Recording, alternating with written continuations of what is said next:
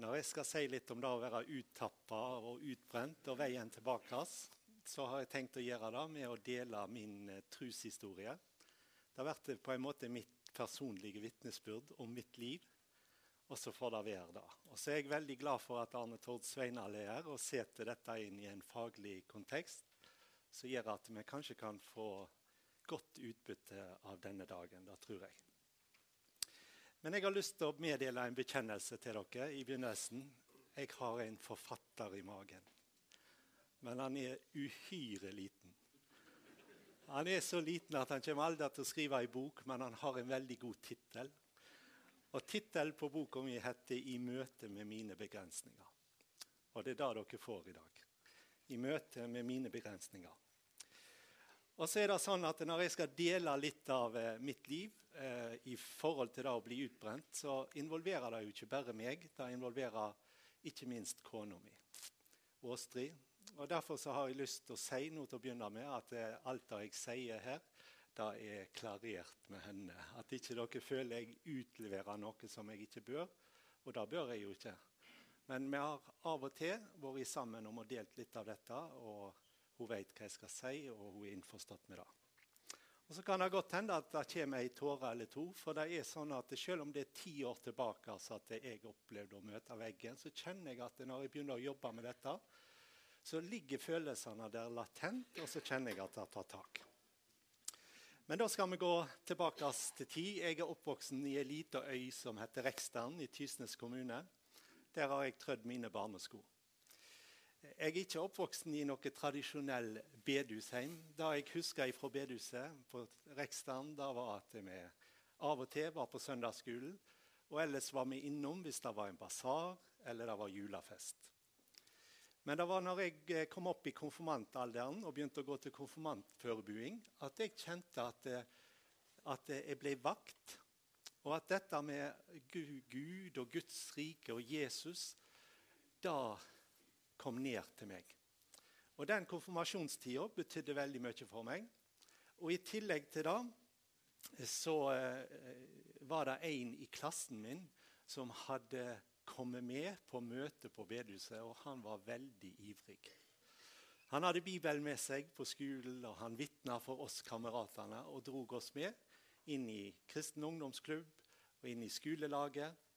Og da ble min vei inn i det kristne fellesskapet. Og så ble jeg en 15 år og ble veldig forelska i hun som ble kona mi, Åstrid. Og hun gikk i Tysnes TenSing, og da måtte jo jeg gå der. Og det var veldig flott. Og i den tida så var det at Jeg har lyst til å si det er tre personer, eller to personer og, og ei gruppe som har betydd veldig mye for meg. Det er to postmenn. Den ene han eh, blir vel, ble nok regna for å være en bygdeoriginal. Han kom med posten på moped. Mange snakket om han. For meg så var han en veldig flott person.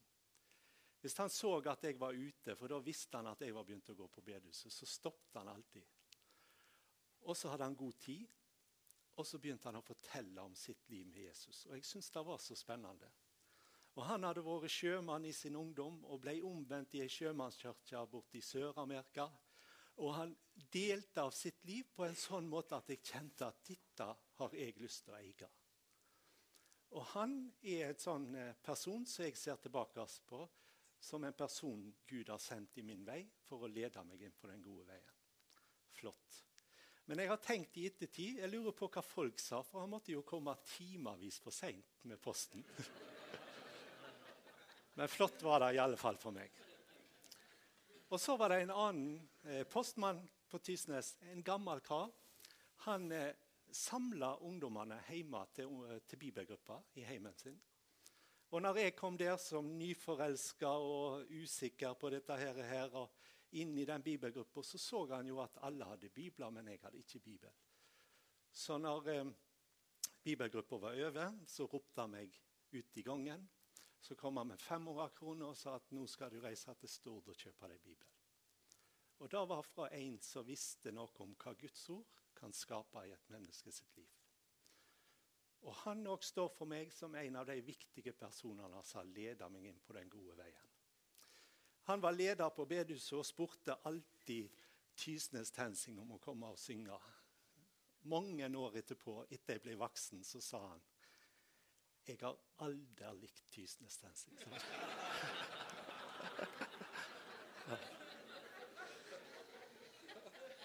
Men det var så flott å se når dere kom, så jeg spurte dere alltid. Ser du hyrden? For meg har han vært et førebilde. Fantastisk flott. Og så var det noen andre som betydde mye. Og det var ettåringene på Tysnes. Nå sitter det masse T2-elever her. Dere har ei flott tjeneste. Og ettåringene på Tysnes, Vi var tidlig ute og fikk ettåring. Og de var år etter år. Og de på en måte forma mye av ungdomsarbeidet på Tysnes og ble sånne gode førebilder for oss. Og jeg husker når jeg var 16 år, var begynt på yrkesskolen på Laksevåg, satt på bussen fra Halhjem til Bergen og så snakket jeg med en kamerat. Og så sa jeg Tenk om jeg kan få lov til å være ettåring, sånn som han og hun har vært på Tysnes. Det lå en sånn liten lengsel der. Så gikk det noen år. Så kom de voksne på bedehuset hjemme på Tysnes og spurte om ikke, om ikke jeg kunne tenke meg å bli ettåring på Tysnes. Og Da var jeg på en måte, hadde jeg gått i tenkeboksen på det i lang tid. I tillegg til det så var det en periode der eh, far min han ble syk. Han hadde fått kreft, og han lå syk i et par år. Og så så vi jo at dette gikk mot slutten. Og når jeg var 19 år, så døde far min. Og for oss i heimen så ble eh, verdiene i heimen snudde seg opp ned akkurat da. Og det er jo naturlig i en sånn setting.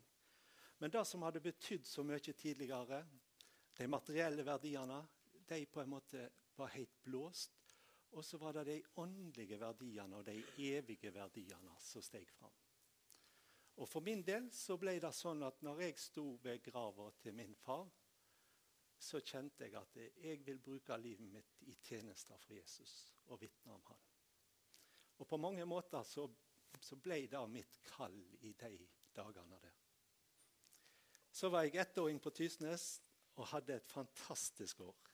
Jeg syns det var så kjekt. Og når vi kom mot slutten på det året, så gifta jeg meg med Åstrid. og Hun hadde fått, fikk seg jobb inne i Ullensvang i Hardanger. Og Bjarne Eide, som da var sekretær, han kom og kalte meg til ungdomsarbeider i Samskipnaden. Og da eh, hadde jo jeg vært gjennom på en måte den kallsprosessen i da jeg gikk inn som ettåring. Men for Åstrid, kona mi, så ble det en ny situasjon. Og det ble en, eh, en kallskamp for henne. Og den måtte hun gjennomleve, og det gjorde hun. Og kom ut med at eh, jo, dette skulle vi satse på. Og Det er litt tilbake til det som Anne sa i går, at dette var noe vi sto sammen om helt ifra vi begynte vårt ekteskap, så har vi stått sammen om den tjenesten som vi har gått inn i. Og Da var vi tre år i Hardanger, i Sørfjorden i Hardanger. Så begynte hun på lærerskolen på Stord, og jeg fikk være ungdomsarbeider på Lærvik bedehus. Var der i tre år. og Så var jeg seks og et halvt år som ungdomssekretær i Samskipnaden. Og så var det tilbake igjen til Lærvik bedehus og var seks år der som sekretær eller forsamlingsleder der. Og jeg vil si at alle disse åra, nesten 20 år i misjonen, de har vært fantastisk flotte år. De har gitt meg og min familie enormt mye. Og vi har så mange gode minner og flott å se tilbake på, som vi gleder oss over og setter enormt pris på. Og så var det da at når jeg fikk komme inn i misjonen, så vet vi jo at barne- og ungdomsarbeidet går jo litt sånn i bølgedaler. Men jeg var heldig å komme inn på ei tid der dette var i ei blomstring og i en vekst. Og fikk på en måte være med og følge det ungdomsarbeidet som blomstra fram. Og det gav meg veldig mye, og samtidig så fanga det meg veldig mye. Og dette var jo i en periode når uh, Marit og Liv som sitter her, de for på alle altså Skolene var jo åpne for oss i den tida. Og overalt der de hadde møte, så hadde de skoletimer og fortalte om leir. Og inviterte til leir og sparka fotball i friminutten. Så det uldra jo med folk som ville på leir. Og det, vi måtte jo til stadighet på en måte doble leirene for de, de ulike alderstrinnene. For det var en sånn oppsving og en tilstrøyming. Og det var jo veldig godt å føle det, og godt å få være med i det. Men det tok meg veldig, og det fanga meg på den måten at jeg ble Altså alt fokuset ble retta inn imot det. Og så skjedde det masse flott på ungdomsleirene. Mange kom igjennom til tru, osv. Det var ei flott tid. Men underveis så ble det sånn for meg at jeg sa sjelden og aldri nei. Jeg hadde det vel sånn at Hvis jeg fikk spørsmål om noe, og det var, ikke sto noe på den eh, dagen i almanakken, så var det ja uansett. Og det er klart at i lengden så er jo ikke det bra. Men sånn ble det, og sånn ble jeg fanga inn i det. Og i tillegg til det så ble det sånn at mange av frihelgene mine de ble brukt til å være visevert for folk som ville gifte seg. Og det var jo flott. For de hadde funnet hverandre på leir, og vi hadde hatt mye fint sammen på leir. Og når de kom unge og nyforelska hjem i stua og spurte om du ville være visevert, så var jeg i hvert fall jeg lagd sånn at jeg klarte ikke å si nei. Da var det ja, og så var det å finne de helgene jeg kunne, og da var jo frihelgene så en kunne bruke til det. Og sånn ble det veldig mye. I tillegg til det så fikk jeg jo være reiseleder for Si Reise. og Vi hadde mange ungdomsturer for Si Reise i den tida. Og det er klart når du samler ungdom i 20-årsalderen fra ulike deler av landet, så blir det ekteskap av det òg. Så det var på en måte en gjenganger. Jeg brukte tida i misjonen, brukte mye av fritida på akkurat de tinga der. Og feriene var heller ikke hellige eh, stunder. Eh, og da, på en måte så var det en sånn trend. Jeg var nok mange år, eller en god del år på Lyngdal. Og så tenkte jeg jo da at når vi er på Lyngdal, og jeg kan jobbe der, så kunne jeg jo få familien med på en billig penge. Så fikk vi en flott ferie for hele familien. Men jeg tenkte jo ikke så mye på det at eh, jeg brukte jo av den tida som egentlig skulle gå til hvile, til òg å være i en setting der jeg var til vanlig. Mandager de ble ofte brukt til styremøtedag, selv om det var fridag. Og når jeg, når jeg forteller om dette nå, så har jeg lyst til å si at jeg er ikke stolt av det. Jeg var der kanskje da, men jeg er det ikke nå. Jeg er ikke stolt av det. Og jeg, jeg føler faktisk at jeg blir flau over meg sjøl når jeg forteller det. For jeg syns det er så uforstandig gjort. Og jeg tenker hvorfor har jeg vært så uforstandig og gjort det?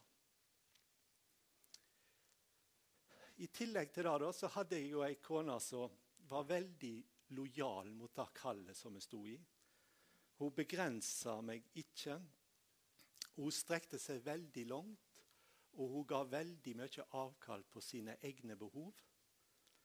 Og hun hadde hovedansvaret hjemme og familien boks, og vi fikk fem barn. En gang har hun sett begrensninger, og da, da syns jeg var litt eh, flott å oppleve. eh, hun hadde stukket av med almanakken min. Det visste jeg ikke om da. Men jeg kom på, på bedehuset og, og, vi skulle planlegge noe møte. Og jeg bladde opp på mandagen, og der sto det med tjukke, svarte tusjskrift. Så bladde jeg til neste mandag, og det samme sto der. På alle mandager i almanakken så hadde hun skrevet 'Heimevernet kaller til rappøvelse'. så det var den gangen. Så det skjønner hun har glimt i øynene og godt humør. Og det har vært en av de tingene som har vært godt for oss òg i møte med det som har vært vondt. At en kan ha et humør likevel, selv om det har nok svinger, det òg. Eh, mange så at dette gikk gale veien. Jeg har ingen å skylde på i misjonen. Det har jeg lyst til å si. Mange i misjonen så det. Bjarne Eide, som var sekretær, han kom mange ganger og spurte etter hvordan det gikk spurte etter hvordan det gikk hjemme, og formante til å bremse. Kåre Steinsund på samme måten. Du må ta det med ro. Det går ikke i, i lengden. Klaus Muff, som på mange måter har vært en av mine åndelige medvandrere, har prøvd mange ganger. Men jeg vet ikke, jeg tror det hadde noe med at eh, jeg hadde det så kjekt. Jeg syntes det var så flott å være med. Vi opplevde så mye fint. Og når kreftene var der, så var jeg, i hvert fall jeg skapt sånn at jeg hadde veldig vanskelig for å si nei.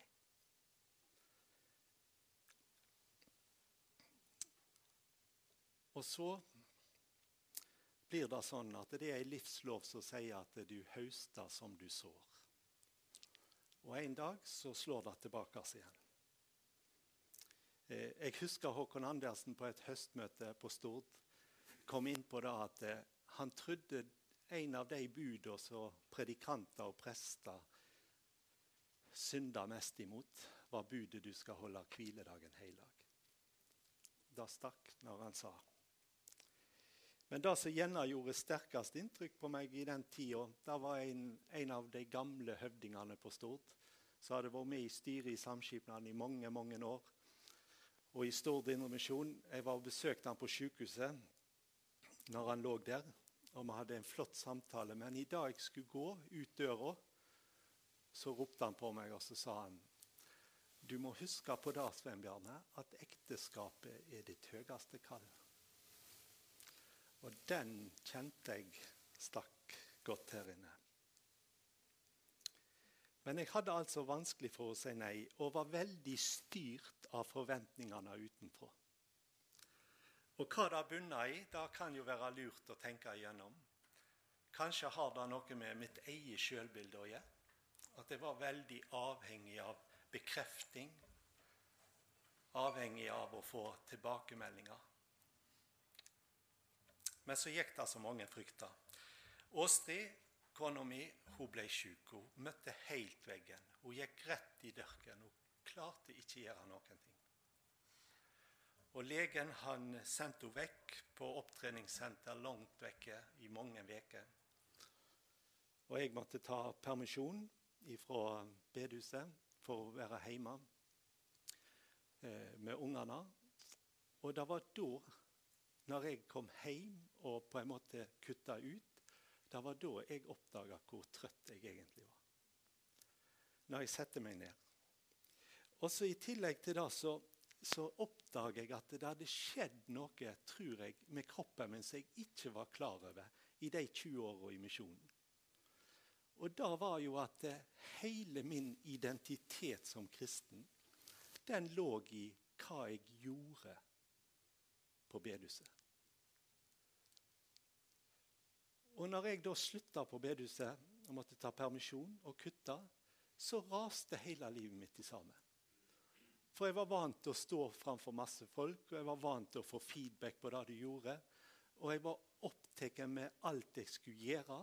Og når jeg da kutta de båndene, så følelsesmessig så ble det en veldig reaksjon. Hele identiteten var i det jeg gjorde i misjonen. Og hele min verdi som menneske så jeg ut ifra hva jeg gjorde og presterte. Sånn at når jeg slutta på bedehuset og trekte meg tilbake, så så jeg ingen verdi i meg sjøl. Og min identitet som kristen raste sammen. Og jeg, jeg datt rett og slett helt sammen som menneske.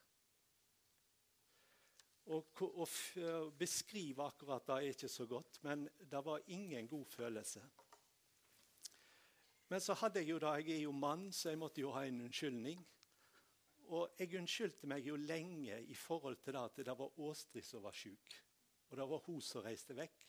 Så jeg måtte tre litt tilbake for at jeg måtte være hjemme og, og ta mer ansvar der. Og når jeg da kanskje kom inn på bedehuset, for de spurte meg til noen småting, og jeg var i Hvis jeg kom inn i et komitémøte, og de bladde opp almanakken, da kjente jeg kvalmen fysisk altså, ifra magen som kom opp. Og hvis jeg gikk inn på samskipnadskontoret, så jeg ble rett og slett deprimert. Jeg, jeg, jeg var så nedstemt i, i følelseslivet at når jeg gikk ut der, så så var jeg utrolig skuffa over meg sjøl. At det skulle være sånn. Og Jeg husker en gang jeg fikk et brev fra forbundet. Et helt enkelt brev der de spurte om jeg kunne være med i, i forsamlingskomiteen. Og når jeg leste det brevet, så, så, kjente jeg bare kvalmen med å sitte i stua og lese det. Jeg orka det ikke. Og så tenkte jeg at ja, ja, det går vel over etter noen uker eller noen måneder. Men så skulle dette ta mange, mange år. Og I tillegg til det da, så hadde jeg av en eller annen grunn over lang tid mista mye blod. Sånn at jeg ble innlagt på Haukeland sykehus i midten på august.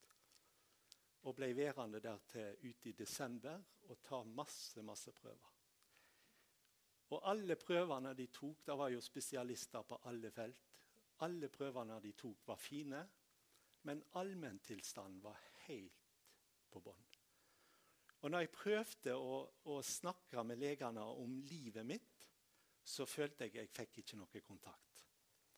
Fordi at, eh, og Jeg har ikke lyst til å kritisere dem for det, men, men det var i hvert fall sånn.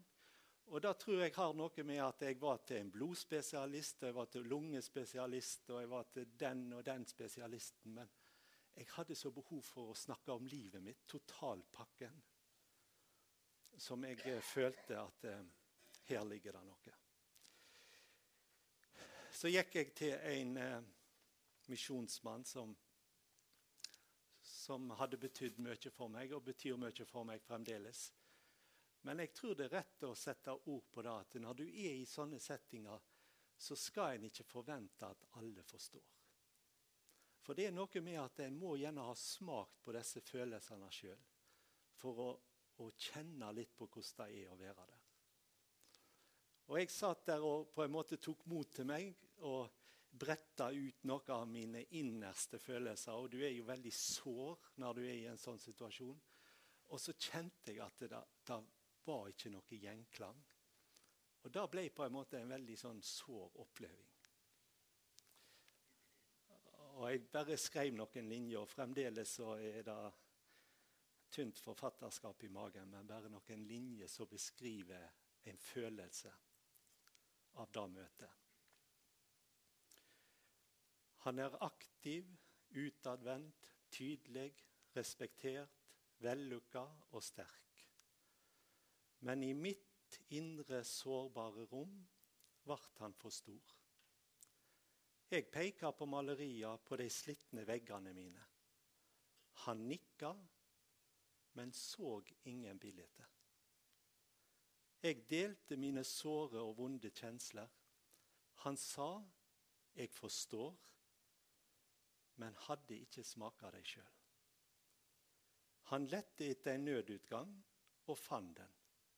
Vi må be, sa han, og ba seg ut av mitt indre sårbare rom uten egentlig å ha vært der. Det var ei vond kjensle. Så gikk jeg, tida hadde gått, og jeg hadde vært på Haukeland i lang, lang tid. og Så gikk jeg til fastlegen min og så sa jeg at kan jeg få lov til å reise til Institutt for sjelesorg. For jeg vet de har rekreasjonsveka, og den er jo åpen for hvem som helst å søke seg inn. Og han la til rette for det. Eh, og jeg reiste bort der. Det var to grunner til at jeg reiste der. Det ene var at jeg hadde vært på instituttet på noen sjelesorgskurs tidligere og opplevd det som en veldig god plass. Og det andre var at jeg skulle feire 40-årsdagen min da. Eh, eller jeg skulle absolutt ikke feire 40-årsdagen, for jeg orka ikke å feire. Men jeg ble 40 år og så for meg at det var jeg hjemme og stua var full av folk. Det orker jeg ikke. Så jeg på en måte flykta ifra det, bort til Instituttet for sjelesorg. Og på 40-årsdagen min så satt jeg på et rom på instituttet helt alene og satt og sydde hardangersaum. Og da får jeg si som en kamerat sa, da er kvelden kommet.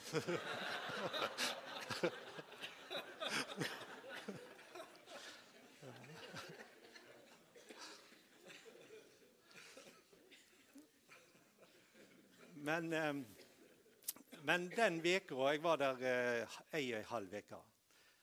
Den veka var veldig flott. Det var lagt opp med stillhet, med tidebønner, med turgåing, med tre eh, samtaler med sjelesørger. Og så var det to foredrag av Arne Tord Sveinald. Jeg visste det skulle være foredrag, men jeg visste ikke temaet jeg, før jeg kom bort. Men han hadde to foredrag om det å være utbrent og uttappa. Og jeg kan godt si jeg har aldri snakket med deg om dette før. Men eh, når du hadde de foredragene, da datt alle brikkene på plass. Og jeg tenkte etter den eh, timen du hadde, at nå kan jeg gå fram og skrive navnet mitt framfor alle de punktene du hadde framme på tavla. For jeg følte at eh, du kjente ikke meg, men du beskrev hele livet mitt når du sto der framme. Og for meg så ble det en veldig sånn befrielse og en veldig opplevelse. Endelig er det en som setter navn på det jeg, jeg føler inni kroppen min. Og det var en utrolig god oppleving. Og jeg vil vel si at det da var starten på å begynne å bygge og komme tilbake igjen. Og Jeg skrev eh, noen nye linjer etter det møtet, og det ble sånn. Du kom inn i mitt sårbare liv. Stille åpner du døra inn til det innerste rommet. Uten krav begynner du rydde opp i rotet. Mange udefinerte kjensler tok du tak i. Hang deg opp som maleri på mine indre, slitne vegger. Du satte navn på bilder og gjorde deg synlige for meg. Avkledd og sårbar så jeg. Sjølforakt, kraftløs, indre eksil, fantasiløs, ork nedtrykt, angst.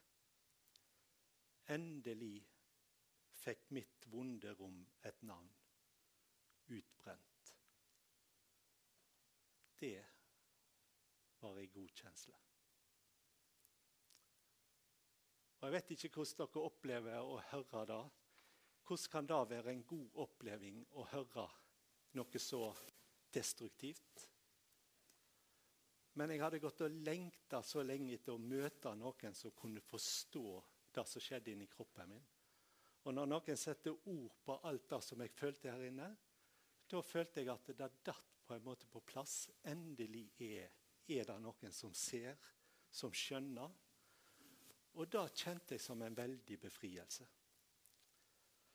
For jeg opplevde det sånn at når jeg gikk i dørken og mista alle krefter så kom det jo en masse følelser opp i kroppen som jeg aldri hadde smakt på før. Som jeg bare hadde lest om. Da å sitte i en stol og se i veggen og være helt lamma av angst, hadde jeg aldri vært borti før. Og da å kjenne på depresjon på den måten der, hadde jeg aldri smakt på før. Så det var en helt ny oppleving. Og bare da å sitte i stua i veke etter veke og se i veggen, var en utrolig vond situasjon. Men da fikk det navn. Ifra den dagen så følte jeg at eh, nå kan jeg begynne å bygge. En annen side ved dette å være utbrent, for meg i alle fall, var at jeg kom i en veldig åndelig kamp. Og Det òg var helt nytt for meg. For Tidligere så hadde jeg aldri hatt problemer med tru, og og dette med tvil og kamp og anfektelse det hadde ikke vært i nærheten eh, sånn som jeg fikk da. Men når jeg var inne i denne perioden, så følte jeg at jeg var helt gudsforlatt. Jeg, jeg gikk mange ganger opp i fjellet på Stord og ropte til Gud og spurte er det sant at du lever. Og Jeg vet ikke om dere har vært der i den sånn fortvilelse over at det, Tenk, her har du stått 20 år framfor ungdom, har forkynt evangeliet, og så begynner du å tvile på om det i hele tatt er det sant det du har stått og formidla. Og så hadde jeg en følelse av at eh, om det er sant, så har i alle fall jeg falt ut av Guds velsigning med mitt liv.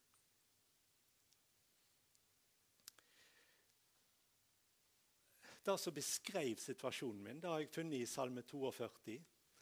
Liksom hjorten skriker etter rennende bekker, slik lengter min sjel etter deg, min Gud. Så jeg hadde en dobbelthet. En følelse av å være forlatt, en følelse av å tvile på hele budskapet, en følelse av å dotte ut av velsigninga. Og samtidig hadde jeg en enorm lengt inni meg tilbake igjen. Til å oppleve Guds nærvær. Men jeg må bare si at når jeg da gikk på bedehuset på møte for å søke det, da berørte ikke det livet mitt. Og hva som gjorde det, hadde nok aller mest med min situasjon å gjøre, men det rørte ikke ved meg. Og jeg prøvde mange ganger, og så gikk du skuffa ut igjen. Og Sånn var det bare. Men jeg har lyst til å si at det var noen ting som berørte livet mitt. Og det var møtet med enkeltpersoner i hverdagen. Og når jeg slutta på bedehuset, så begynte jeg jo å kjøre buss. Og for meg så har det vært en veldig velsignelse. Jeg kom opp eh, på HSD og skulle spørre om jobb, for jeg, jeg hadde fått busslappen i 30-årspresang hos en kamerat. Så den hadde jeg. Og Så gikk jeg opp på HSD-kontor og spurte om å få jobb til en vilt fremmede mann. Og Det var jo en pussig opplevelse, for da jeg kom inn der, så så han på meg. Og det første han sa, var at du må være sendt fra himmelen. Sånn. Og jeg sa ja, jeg har nå prøvd å representere himmelen.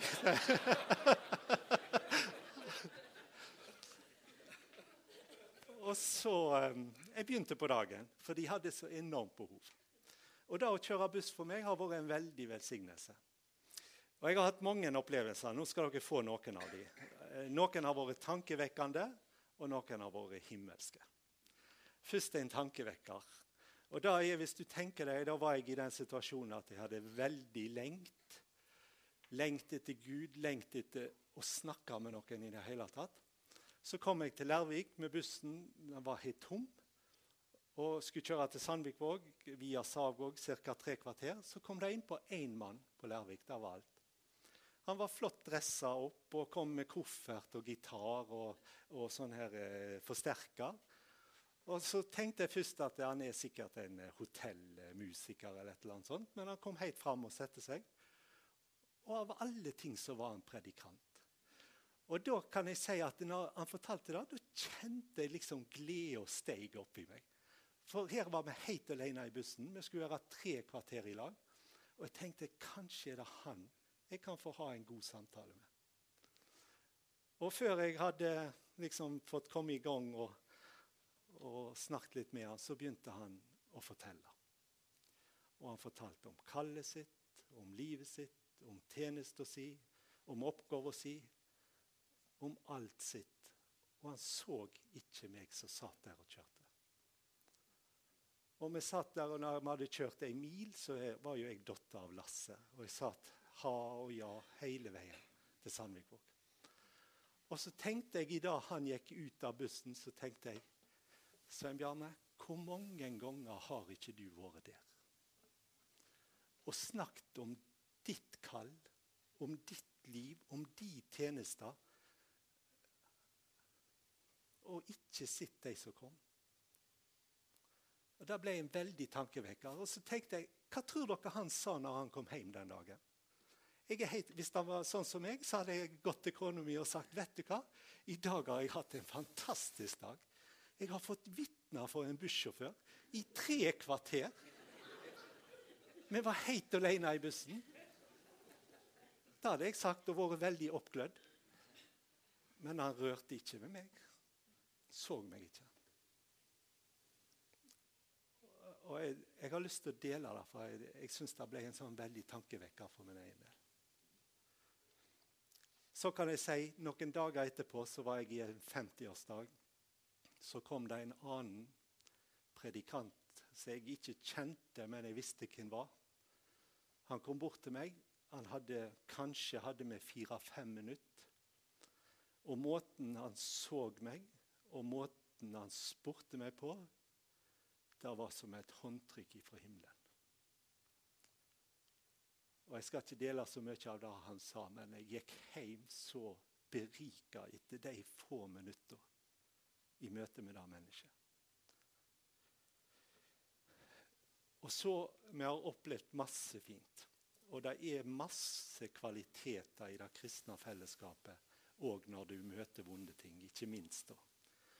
Og kanskje det som eh, var, gjorde størst inntrykk på oss, det var rett før jul.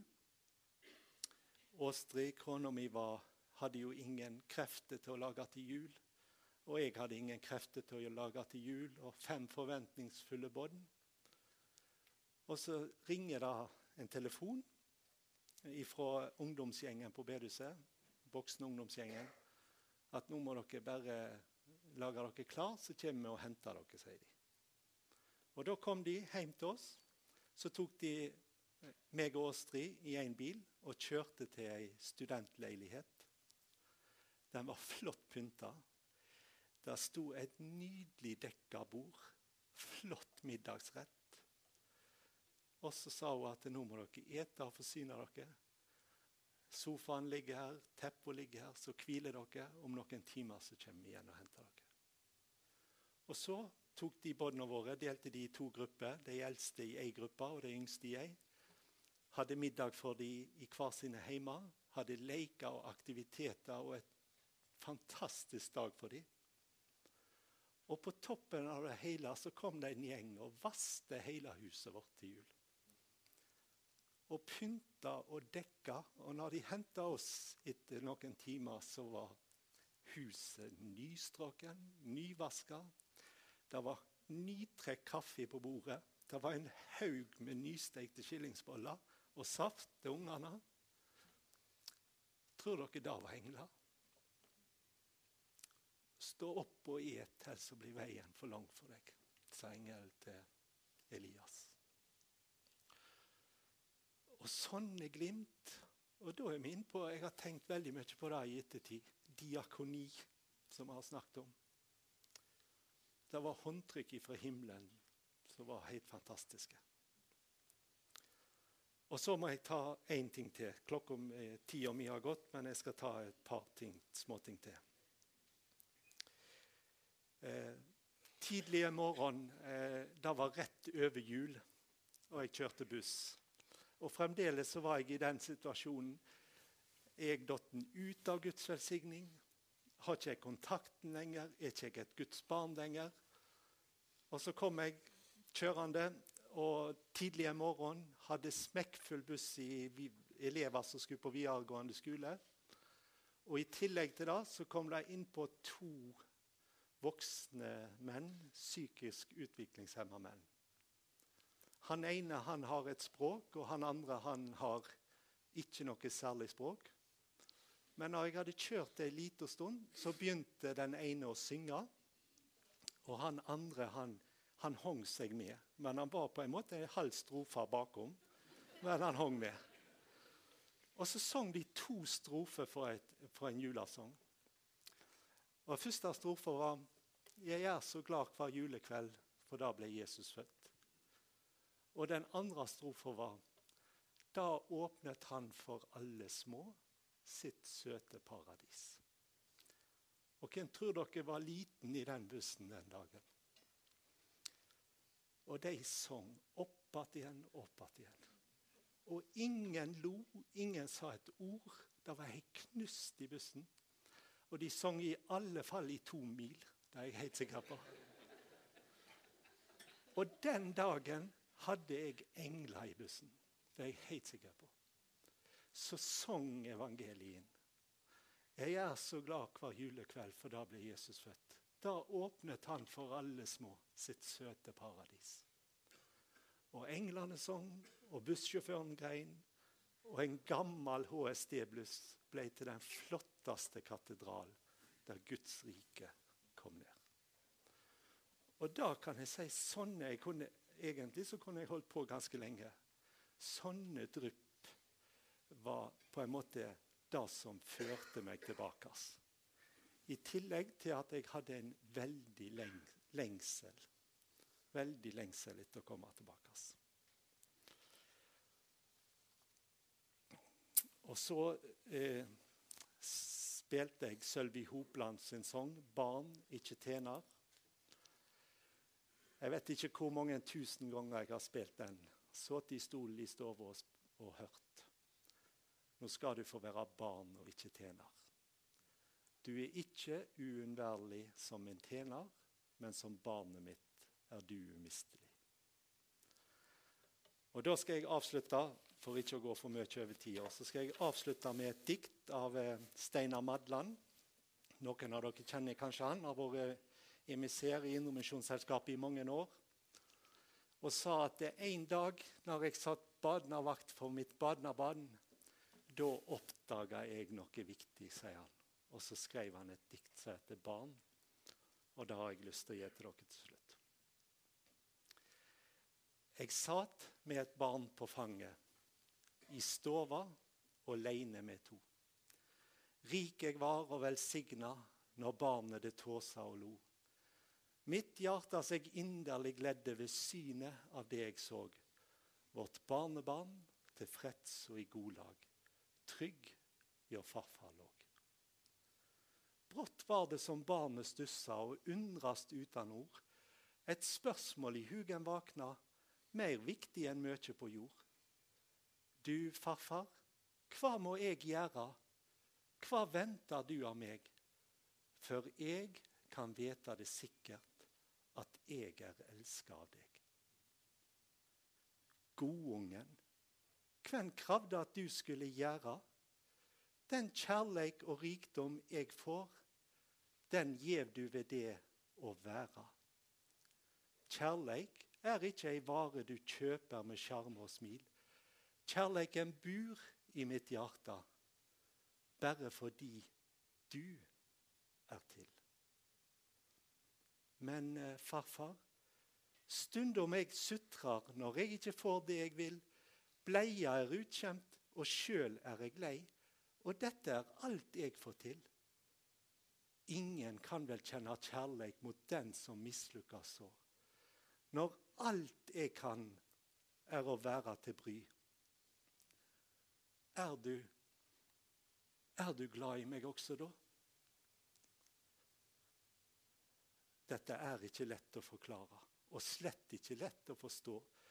Men farfar kan ikke annet enn elske deg også da. Når du er trøtt av ditt eget og lei av alt som er ditt, sjøl da kan du vite deg sikker. Du er til glede for hjertet mitt. Gullskatten du som bare er til, du som trenger hjelp til alt.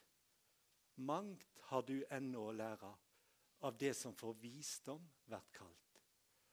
Men ett har du alt lært, farfar, for det jeg takker deg vil. Som barn trenger jeg ikke å gjøre. Elska blir den som er til. Vi begge er barn av vår gode far som rår over livet vårt. Lær oss å hvile i fanget hans og smile så tindrende klart. For farfar veit jeg er glad i deg, at jeg har deg inderlig kjær. Og ennå så tror jeg at kjærleiken hans langt større enn farfars